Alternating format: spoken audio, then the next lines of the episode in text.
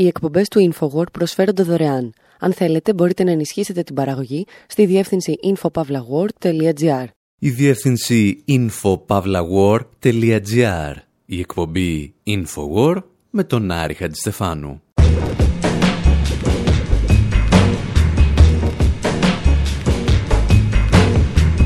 όπου σήμερα αφιερώνουμε την εκπομπή σε έναν από τους μεγαλύτερους επαναστάτες μουσικούς στην ανθρώπινη ιστορία. Ακούμε τι γνώμη είχαν γι' αυτόν οι Beatles, οι Rolling Stones, ο Moby και ο Chuck Berry. Τον παρακολουθούμε να γίνεται soundtrack του Stanley Kubrick στο κουρδιστό πορτοκάλι και ακούμε ηλεκτρονικές και δίσκο διασκευές των κομματιών του. Αναρωτιόμαστε τι σχέση είχε με τις γκυλοτίνες της Γαλλικής Επανάστασης εάν θα στήριζε ανοιχτά τους Γιακοβίνους και τι δεν κατάλαβε από τον Αβολέοντα Βοναπάρτη. Πραγματοποιούμε ένα ταξίδι στην πολιτική και την φιλοσοφία της μουσικής του χωρίς να ακούσουμε σχεδόν κανένα δικό του κομμάτι. Τον θυμόμαστε καθώς συμπληρώνονται 250 χρόνια από τη γέννησή του συζητάμε για τον Λούντβιχ Βαν Μπετόβεν.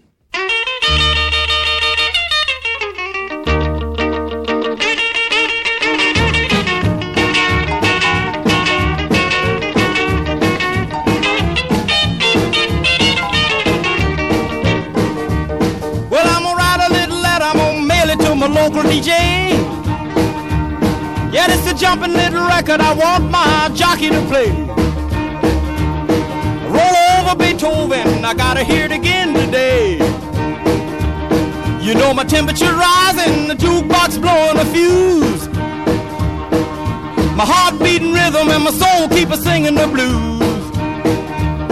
I roll over Beethoven, tell Tchaikovsky the news. I got the rockin' pneumonia, I need a shot of rhythm and blues. I caught the rolling rider sitting down at a rhythm review.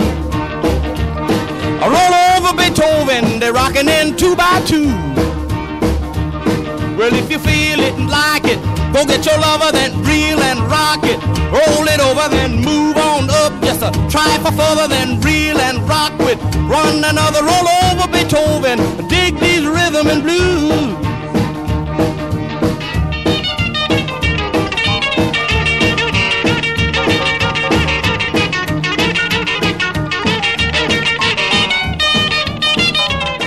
Το 1956 ο Τσακ Μπέρι υποστηρίζει ότι ο Μπετόβεν στριφογυρίζει στον τάφο του και πως κάποιος πρέπει επιτέλους να ενημερώσει τον Τσαϊκόφσκι για όσα συμβαίνουν. Βασικά, ο Τσακ Μπέρι λέγεται ότι έγραψε το κομμάτι γιατί ήταν έξαλλος με την αδερφή του, η οποία έπιανε συνεχώς το πιάνο που είχαν στο σπίτι για να παίζει κλασική μουσική, ενώ αυτός ήθελε να παίζει rock and roll. Τα δύο αδέρφια ήταν δηλαδή κάτι σαν την δυσυπόστατη μουσική ψυχή του Γιοκαρίνη, χωρισμένη όμως σε δύο ανθρώπους. Αυτό που πραγματικά βέβαια ήθελε να πει ο Τσακ Μπέρι είναι ότι ο Μπετόβεν θα στριφογύριζε στον τάφο του γιατί η επανάσταση των rhythm and blues και του rock and roll ερχόταν να διακόψει τη δική του μουσική επανάσταση. Αυτό τουλάχιστον πρέπει να κατάλαβαν και δύο άλλα επαναστατικά σχήματα του 20ου αιώνα που διασκεύασαν το τραγούδι. Οι Rolling Stones και οι Beatles.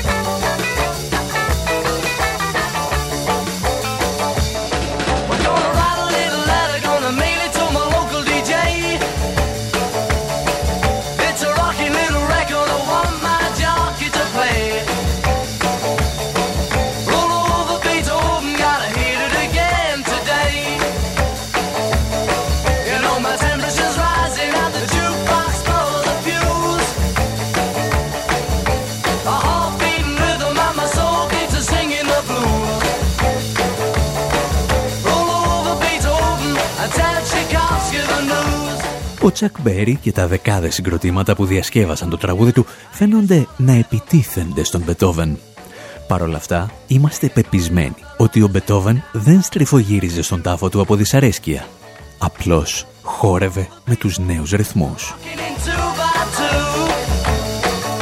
Η μουσική του Μπετόβεν στο τέλος του 18ου και τις αρχές του 19ου αιώνα είναι πράγματι ότι ήταν και η rock and roll για τον 20ο αιώνα.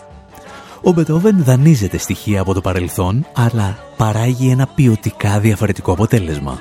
Πραγματοποιεί ένα διαλεκτικό άλμα. Και η πρώτη ένδειξη για το τι θα ακολουθούσε ήταν οι σονάτες του. Ακούμε ένα απόσπασμα από την σόνατα για πιάνο νούμερο 8 σε ντο ελάσσονα, υπερβολικά διασκευασμένη από τον αυστριακό συνθέτη Στέφαν Ομπερμάιερ και επανερχόμαστε.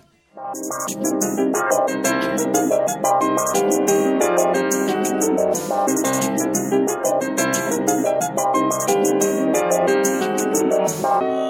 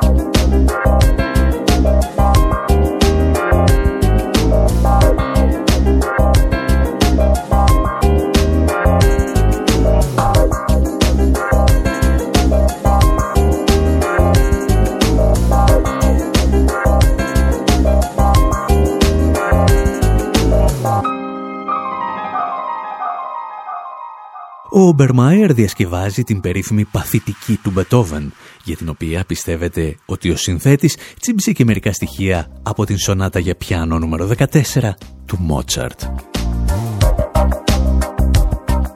Αυτό όμως δεν έχει ιδιαίτερη σημασία.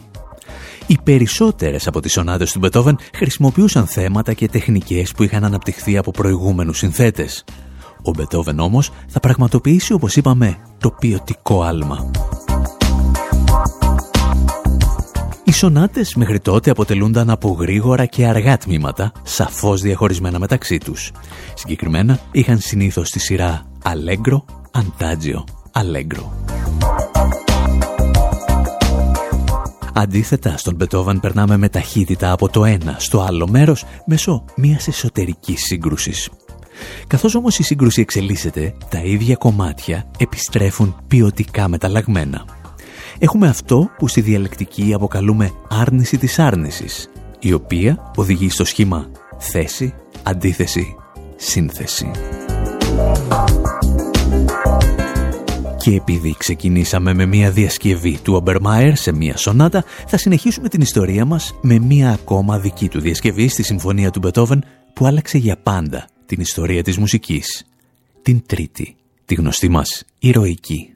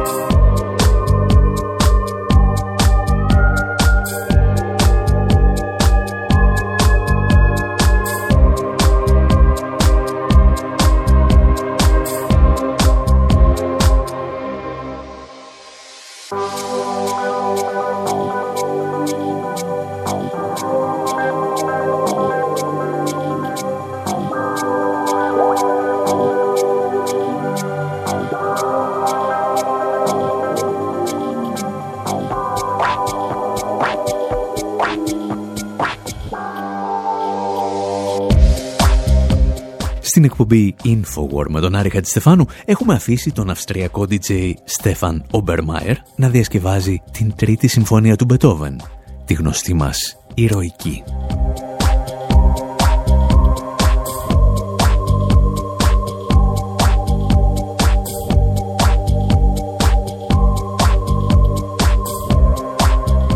Εάν με την παθητική σονάτα ο Μπετόβεν απογαλακτίζεται από τον Χάιντν και τον Μότσαρτ, με την τρίτη συμφωνία ξεκινά μια επανάσταση. Καταρχήν ξεκαθαρίζει το θέατρο των επιχειρήσεων στο οποίο θα δίνει τις επόμενες μάχες του. Τα εξηγούσε πρόσφατα ο Βρετανός Διευθυντής Ορχήστρας John Elliot Gardiner, μιλώντας στο Αμερικανικό κρατικό ραδιόφωνο του NPR. He was the first composer of symphonies who was addressing a public audience, as opposed to a court audience or an aristocratic audience. Ήταν ο πρώτος συνθέτης συμφωνιών που απευθυνόταν σε δημόσιο κροατήριο σε αντίθεση με ένα κροατήριο αυλικών ή ένα αριστοκρατικό ακροατήριο. Και αποφάσισε πως η αρένα στην οποία θα έδινε τη μάχη του δεν θα είναι η σονάτα για πιάνο, ούτε του κουαρτέτο εχόρδων, ούτε κάποια από τις άλλες φόρμε. Η συμφωνία θα ήταν η αρένα του. Μέσω αυτής θα μεταχειριζόταν υψηλά φορτισμένα φιλοσοφικά και πολιτικά ζητήματα. Philosophical and political issues. Parce que j'ai pas la gueule de l'emploi, on me traite de racaille pendant que Sarko fixe son salaire, le peuple français crève la dalle. Parce que l'État le permet, la police assassine, c'est l'inégalité des chances gouvernée par des sales racistes. Et parce qu'ils ont pillé les caisses, y'a plus de pouvoir d'achat. L'appel à la révolte, je pas que j'encourage pas ça. Προφανώς το βασικό πολιτικό ζήτημα που διαπνέει το έργο του Μπετόβεν είναι η Γαλλική Επανάσταση. Το μυαλό του δεν γεμίζει όμως μόνο με τις ιδέες της ελευθερίας, της ισότητας και της αδελφοσύνης. Ο Μπετόβεν υιοθετεί και την επαναστατική βία, όταν αυτή είναι απαραίτητη για την απελευθέρωση του ανθρώπου. Τα εξηγούσε όμως πολύ καλύτερα από εμάς σε ένα κείμενό του ο μεγάλος Ρώσος συνθέτης Ιγκόρ Στραβίνσκι. Ο Μπετόβεν είναι φίλος και σύγχρονος της Γαλλικής Επανάστασης. Παρέμεινε πιστός σε αυτήν ακόμη και στα χρόνια της δικτατορίας των Γιακοβίνων, όταν οι ανθρωπιστές με αδύναμο χαρακτήρα όπως ο Σίλερ μάχονταν τους τυράννους μόνο στο θεατρικό σανίδι με σπαθιά από χαρτόνι. Ο Μπετόβεν, αυτή η πληβιακή διάνοια, γύριζε περήφανα την πλάτη του σε αυτοκράτορες, πρίγκιπες και βαρόνους. Αυτός είναι ο Μπετόβεν που αγαπάμε. Για την ανίκητη αισιοδοξία του, για την γεμάτη πυγμή μελαγχολία του, για τον εμπνευσμένο με πάθος αγώνα του, για τη σιδηρά θέλησή του, η οποία του επέτρεψε να πιάσει το πεπρωμένο από το λαιμό.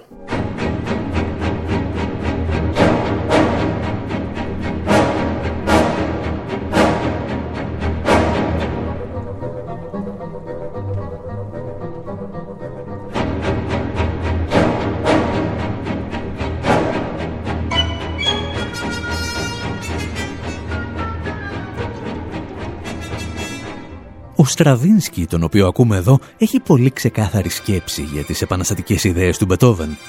Ο Μπετόβεν πάλι είχε ένα μικρό προβληματάκι να διακρίνει τους καλούς και τους κακούς της Γαλλικής Επανάστασης. Όπως και πολλοί σύγχρονοι του, θεωρεί αρχικά ότι ο Ναπολέοντας Βοναπάρτης είναι ένας γνήσιος συνεχιστής της Γαλλικής Επανάστασης και όχι ένας νέος τύραννος.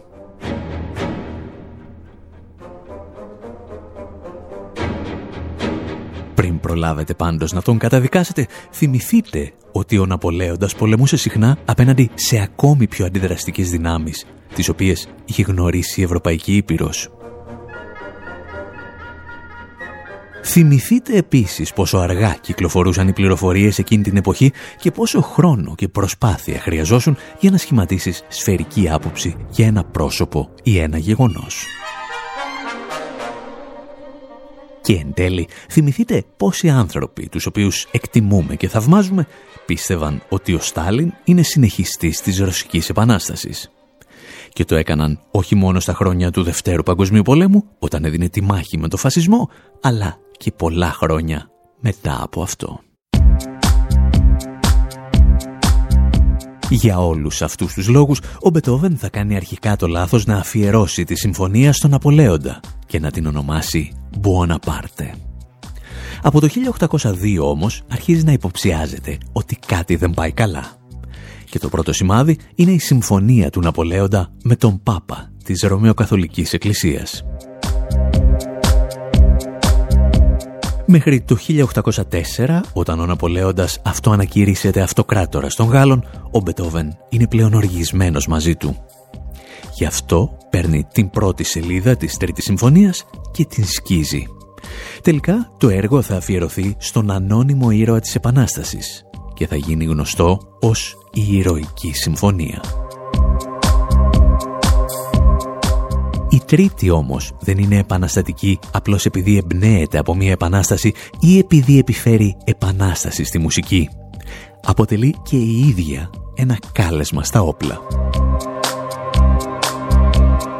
Και όπως μας θύμιζε ο Τζον Έλιοτ Γκάρντινερ, όλα αυτά συνέβαιναν, ενώ ο Μπετόβεν ζούσε στο πιο αντιδραστικό και οπισθοδρομικό καθεστώς της Ευρώπης. Ζούσε στην Ευρώπη του Ντόναλτ Τραμπ του 19ου αιώνα. Well, you have to remember that he was composing in Vienna, which was about the most conservative society that's existed, you know, until Donald Πρέπει να θυμηθείτε ότι συνέθετε στη Βιέννη που ήταν ίσως η πιο συντηρητική κοινωνία που έχει υπάρξει, τουλάχιστον μέχρι την Αμερική του Ντόναλτ Τραμπ. Έγραφε ανατρεπτική ριζοσπαστική μουσική που δεν εκτιμούνταν απόλυτα από το κρατήριο της εποχής, ούτε καν από τις ορχήστρες οι οποίες συνήθως έπρεπε να την εκτελέσουν με πολύ λίγη προβά.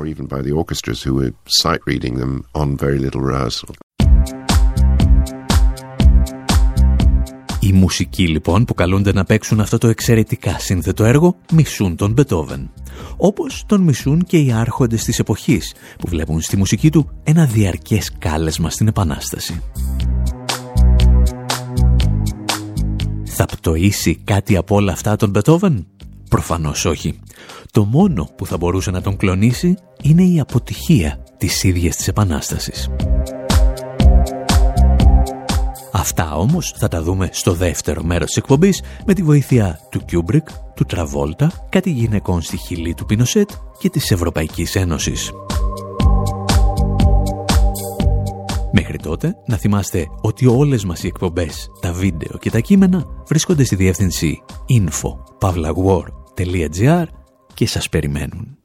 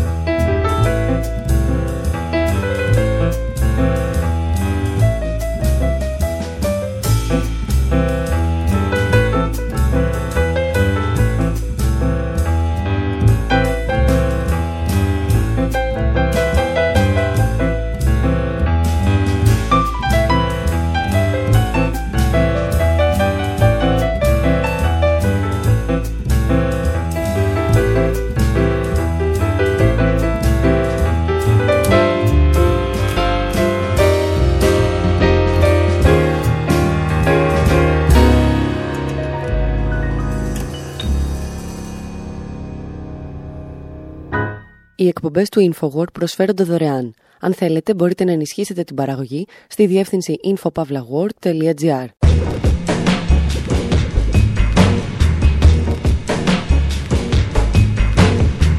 Εκπομπή InfoWord, μέρος δεύτερο.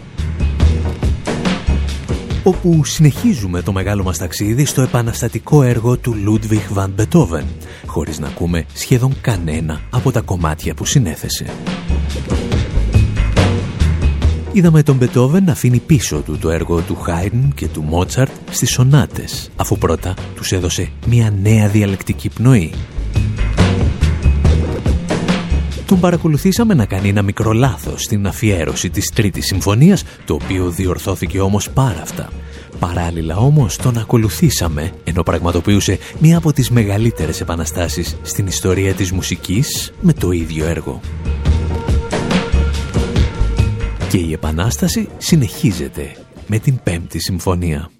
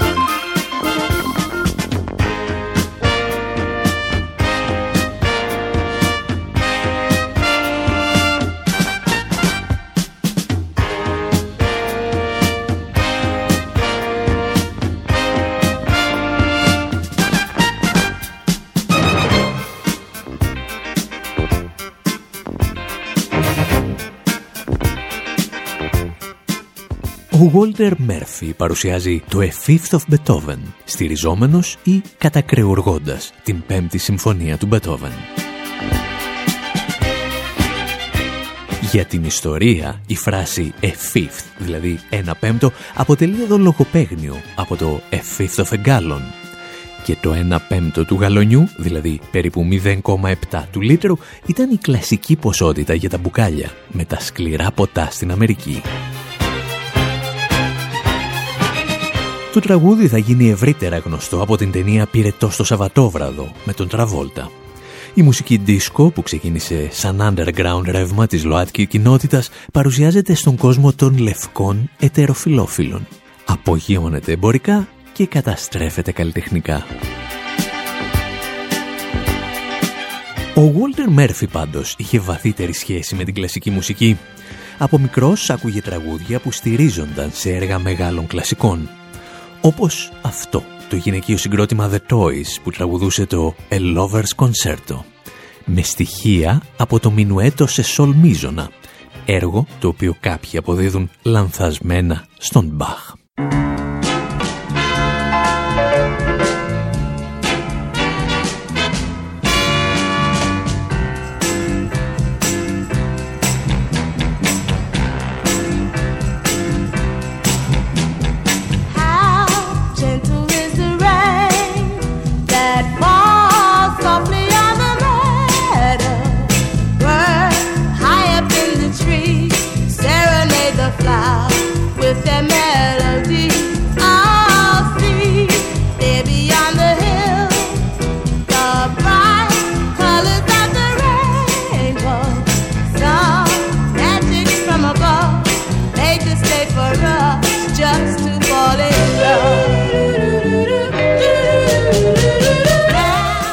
Δεν καταφέρατε να αναγνωρίσετε οτιδήποτε που να θυμίζει Μινουέτο, Μπαχ ή έστω κάτι από κλασική μουσική, μην ανησυχείτε. Σχεδόν κανένας δεν το έχει καταφέρει. Και εμείς το διαβάσαμε απλώς σε μια εγκυκλοπαίδεια. Επίσης δεν έχει καμία σημασία εάν αυτά τα κομμάτια που υποτίθεται ότι πατάνε στην κλασική μουσική μας αρέσουν ή όχι. Αυτό που θέλουμε να εξηγήσουμε είναι ότι ακόμη και η πέμπτη συμφωνία του Μπετόβεν ήταν στην πραγματικότητα μια ευφιέστατη σειραφή άλλων κομματιών. Τα εξηγούσε πρόσφατα ο Βρετανός Διευθυντής Ορχήστρας Sir John Elliot Gardiner, μιλώντας στο ραδιόφωνο του NPR. Yeah, I think it is, uh, but it's eased by the fact that if you just jettison all the kind of accretion, all the stuff that's, that's, that's surrounded the Fifth Symphony. Νομίζω πως η Πέμπτη Συμφωνία είναι η πιο απαιτητική από όλα τα έργα του. Πρέπει όμως να απορρίψει κανείς όλη τη συσσόρευση, όλα τα πράγματα που έχουν περιτριγυρίσει την Πέμπτη Συμφωνία. Πρέπει να τη δει ως μια τολμηρή, πολεμική δήλωση που εγκολπώνει τις αξίες της ισότητας, της αδελφοσύνης και της ελευθερίας που προέρχονταν από τη Γαλλική Επανάσταση. Στην πραγματικότητα, το διάσημο εναρκτήριο θέμα του χτυπήματος, το μπαμ μπαμ μπαμ μπαμ, είναι παρμένο από έναν γαλλικό επαναστατικό ύμνο του Κερουμπίνη που ονομάζεται ύμνο στο Πάνθεον. A hymn, a French revolutionary hymn by Cherubini called Hymn du Panthéon.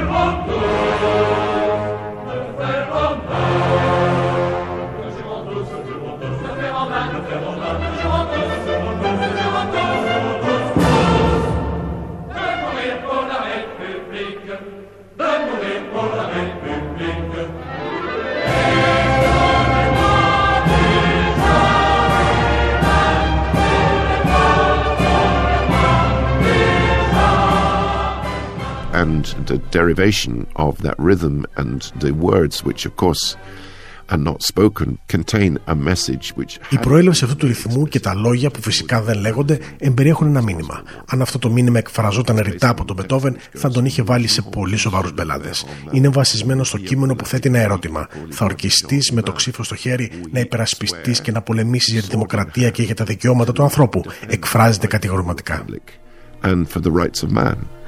I mean, that's pretty outspoken.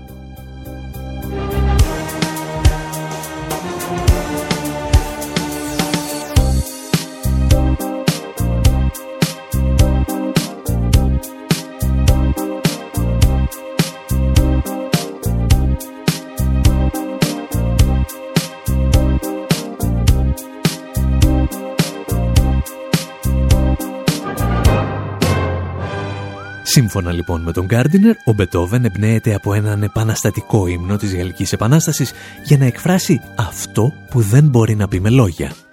Ότι η υπεράσπιση της δημοκρατίας και των ανθρωπίνων δικαιωμάτων ορισμένες φορές μπορεί να επιτευχθεί μόνο με ένα σπαθί στο χέρι.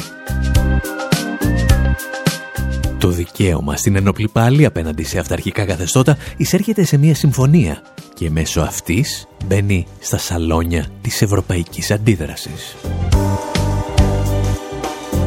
Όπως θα εξηγήσει αιώνες αργότερα ο Αυστριακός Διευθυντής Ορχήστρας Νικόλαους Χάρνοκορτ, η Πέμπτη Συμφωνία δεν ήταν μουσική. Ήταν ένα πολιτικό μανιφέστο. Μας έστελνε το μήνυμα ότι πρέπει άμεσα να αλλάξουμε τον κόσμο στον οποίο ζούμε. Πιθανότατα μάλιστα ο Χάρνοκορτ να μην μιλούσε εκ μέρους του Μπετόβεν, αλλά εκ μέρους των βασιλιάδων και των αυτοκρατόρων. Γιατί και ο ίδιος καταγόταν από τον αυτοκράτορα Λεοπόλδο τον δεύτερο της Αγίας Ρωμαϊκής Αυτοκρατορίας, βασιλιά της Ουγγαρίας και της Βοημίας, αρχιδούκα της Αυστρίας και μέγαδούκα της Τοσκάνης. Όσους τίτλους δηλαδή δεν χώνευε ο Μπετόβεν σε ένα πρόσωπο.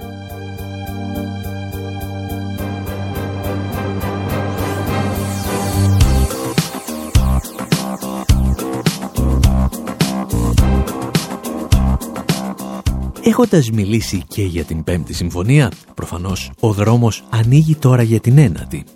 Ενδιάμεσα όμως αισθανόμαστε την ανάγκη να πούμε και μια-δυο κουβέντες για την προσωπικότητα του μεγάλου συνθέτη. Και εδώ τα πράγματα δεν είναι αναγκαστικά διαλεκτικά, ηρωικά και επαναστατικά, αλλά ενδεχομένως βάναυσα, όπως έλεγαν και οι T-Rex.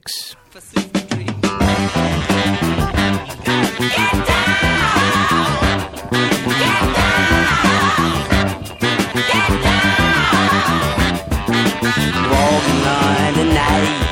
She squeezed my tight, you tight, you here when you're in our bed.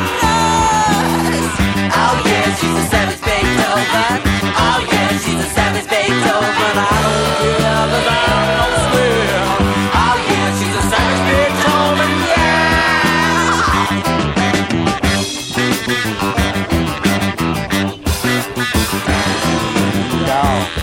yeah. With a madman in a paw, you're tied down, stand you in when you're dancing in our she's a savage Beethoven. Oh yeah, she's a savage Beethoven. I don't care, cause I'm no square. Oh yeah, she's a savage Beethoven, yeah.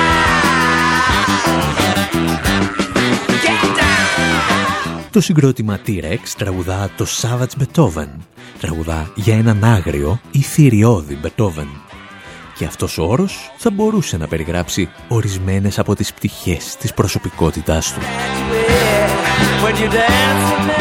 Αρκετά χρόνια πριν χάσει οριστικά την ακοή του, οπότε περνά σε μια φάση έντονης απομόνωσης, ο Μπετόβεν θα δείξει αρκετές φορές τη σκοτεινή πλευρά του εαυτού του. Γιατί την ίδια απαξίωση, την οποία επεφύλασε σε βασιλιάδες και αυτοκράτορες, επεφύλασε ορισμένες φορές και σε δικούς του ανθρώπους. Μετά το θάνατο του αδερφού του αποκτά ψύχωση με τον ανιψιό του Κάρλ. Χρησιμοποιεί μάλιστα όλα τα μέσα που έχει στη διάθεσή του για να τον αποκόψει από τη μητέρα του και να πάρει την κυδαιμονία. Και δεν θα καταλάβει τι πραγματικά κάνει μέχρι τη στιγμή που ο Κάρλ θα επιχειρήσει να αυτοκτονήσει. Αρκετοί από τους υποστηρικτές του Μπετόβεν θα ισχυριστούν ότι η συμπεριφορά του είναι μια αντανάκλαση της κατάθλιψης που του προκαλεί η αντεπανάσταση, η οποία καλύπτει πλέον οριστικά ολόκληρη την Ευρώπη. Και παρά το γεγονός ότι αυτό δεν αποτελεί σε καμία περίπτωση δικαιολογία, δείχνει πως μια επαναστατική δύναμη μπορεί εύκολα να μετατραπεί σε δύναμη καταστροφής και αυτοκαταστροφής. Ίσως τελικά να ήταν αυτή η διπλή φύση του Μπετόβεν που ενέπνευσε τον Στάνλι Κιούμπρικ να τοποθετήσει το έργο του στην καρδιά της ταινίας του, το κουρδιστό πορτοκάλι.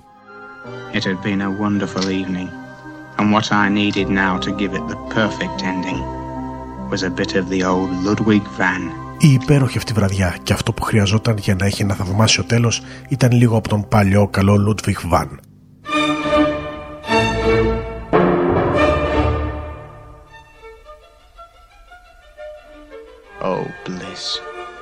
Bliss and heaven.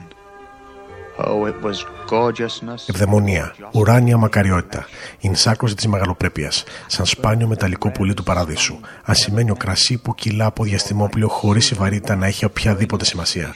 Καθώς άκουγα, έβλεπα υπέροχες εικόνες. As I sluiced, I knew such lovely pictures.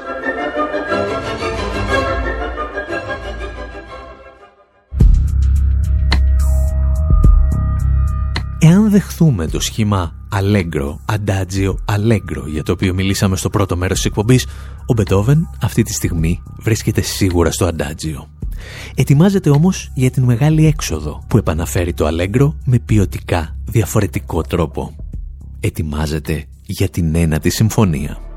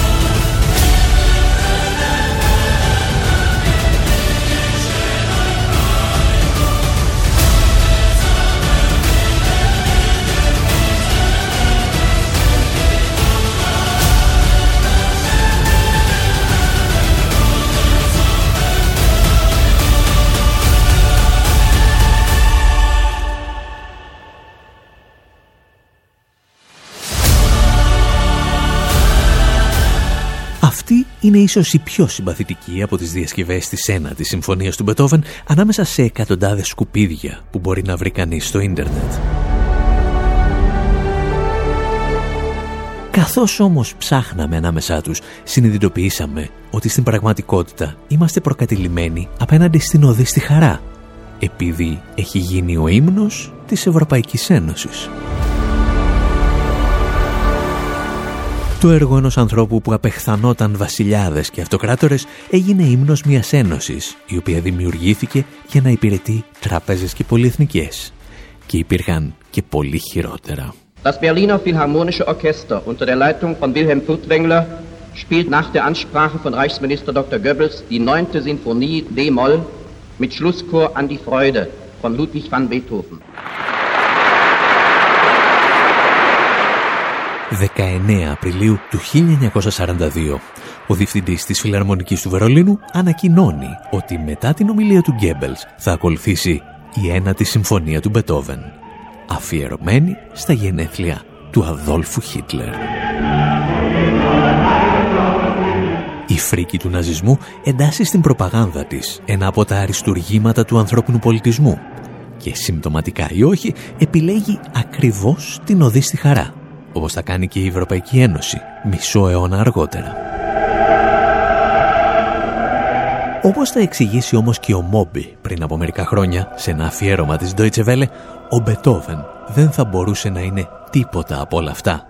Δεν θα μπορούσε να είναι καν δεξιός. I can't see Beethoven, what I know of his ethos, of in any way of him supporting right-wing politics. It's a celebration of democracy.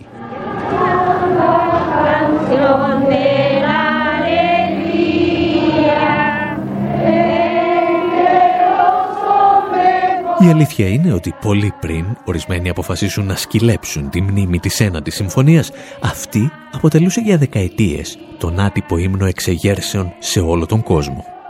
Στα μέσα της δεκαετίας του 80 δημιουργείται ένα κίνημα γυναικών που υψώνει το ανάστημά τους στη δικτατορία του Πινοσέτ και σε όλες τις κινητοποιήσεις τραγουδούν μια δική τους εκδοχή από την οδή στη χαρά.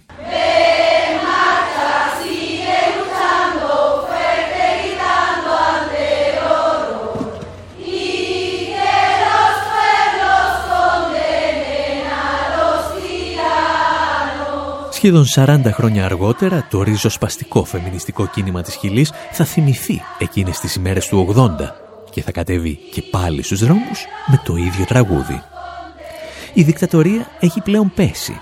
Ο νεοφιλελευθερισμός όμως και οι τρομακτικές ανισότητες που άφησε πίσω του ο Πινοσέτ είναι ακόμη εδώ και πλήττουν κυρίως τις γυναίκες. Και το 1989 όμως, οι φοιτητές στην πλατεία Tiananmen του Πεκίνου παίζουν στη διαπασόν αποσπάσματα από την ένατη συμφωνία για να καλύπτουν τις ανακοινώσεις που μετέδιδε από μεγάφωνα το κινέζικο καθεστώς. Το πνεύμα του Μπετόβεν που μας δίδασκε ότι οφείλουμε να αναζητούμε το δρόμο προς την εξέγερση, ακόμη και όταν όλα δείχνουν πως μπορεί να οδηγηθούμε στη συντριβή, έπαιρνε την εκδίκησή του. Κάπου εδώ όμως λέμε και εμείς να σας αφήσουμε για αυτή την εβδομάδα. Επιχειρήσαμε να μιλήσουμε για τον Ludwig van Beethoven χωρίς να ακούσουμε τη μουσική του.